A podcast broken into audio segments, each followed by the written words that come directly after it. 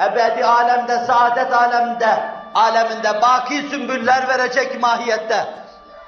Böyle izan ve kabul edilirse, insan en büyük mahalik karşısında dahi tereddüt etmeden, gözünü kırpmadan, hak, hak bildiği, hakikat bildiği istikametten dur olmayacak ve ilerleyecektir.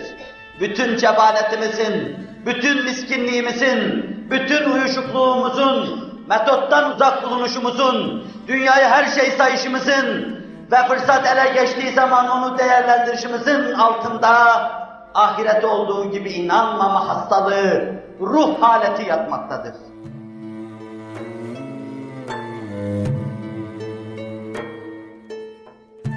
Eğer bir sahabi anlayışı ve idraki içinde ahirete inanmış olsaydık, nefsim adına ötesini arz edeyim, nefsim adına arz edeyim de başkasının kafasına mızrak ve kılıç sokmayayım, başkasının hissiyat ve ruhunu rencide etmeyeyim, ben rahat döşekte yatmazdım, ben nefsim adına en küçük mameleke sahip olmazdım, ben Resul-i Ekrem gibi hasır üzerinde yatar üzerime bir battaniye alırdım, milletim sefalet içinde çırpınırken, milletim imansızlığın cenderesine kıstırılırken, gençlik adım adım mahvedilirken, benim bir varlığım ve mamelekim olmazdı. Soğukta emanet bir cübbeyle dolaşırdım, emanet bir ayakkabıyla çarşıda gezerdim. Ve bu halimle Mevla'nın huzuruna gidersem, kovulacağım endişesi vardır içimde.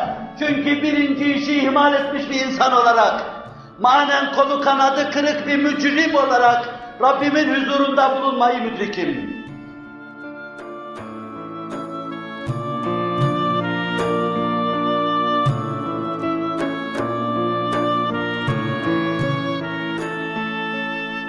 Nefsim adına söyleyeyim.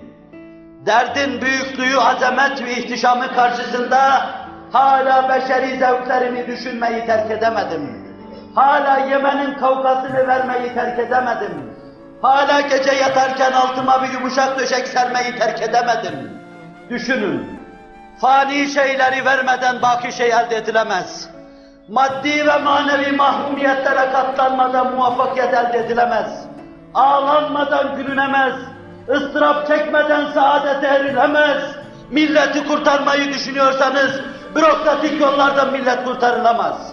Bu milletin başında sadece elbisesi sırtındaki olan kimseler olduğu zaman millet kurtulacaktır.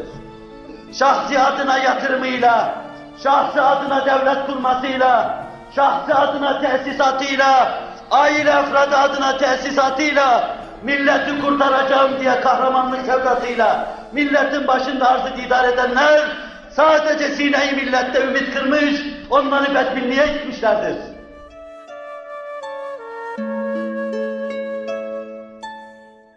Ömer gibi insanlar, giygisi sırtında bineceği şey devlet hazinesinde, Gandhi gibi insanlar altında ot olan insanlar, milletleri kurtaracak bunlardır.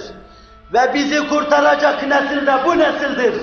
Cenab-ı Hak bu neslimize bahşettiği zaman, bürokrasi rüyasında dahi düşünmeyen bu nesli bize bahşettiği zaman, milletimizin kurtarılması mevzunda ümit var olacağız. Üniversite değil bizi kurtaracak.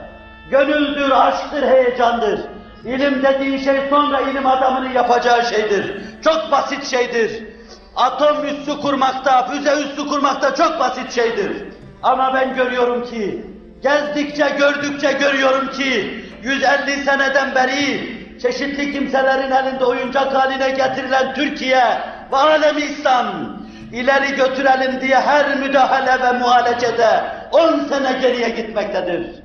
Siyasi gayri siyasi her darbede ve idareye her müdahalede 10 sene geriye götürülmektedir. Bu kem talihliler, bu şum ağızlılar, bu yarasa bakışlılar, milletin kaderine vaziyet ettiği müddetçe bu millet bir adım ileriye gitmeyecektir. Belki her sene on sene geriye gidecektir. İşte batı ve işte ağlanacak durumunuz alem İslam'la beraber.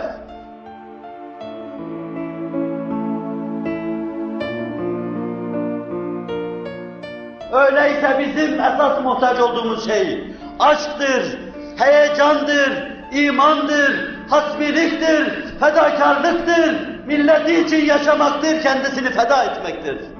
Varsa bu pazarda bezi olan, varsa bu anlayışa iştirak eden, gelsin beraber çalışalım. Bırakalım bürokrasiyi, gezelim köy köy, dolaşalım, hasbiliğimizi ve samimiyetimizi götürelim. Ve bu işi düzelteceğimiz ana kadar söz verelim Allah'a, Resulullah'a söz verelim. Sıcak döşekte yatmayacağız, ağlayacağız, gülmeyeceğiz, ıstırap çekeceğiz ve dinlenmeyeceğiz. Allah ümmeti Muhammed'in yardımcısı olsun. Cenab-ı Hak tevfikatını ümmeti Muhammed etsin. Kefere ve fecerenin şerrinden ümmeti Muhammed'i masum ve mahfuz kılsın.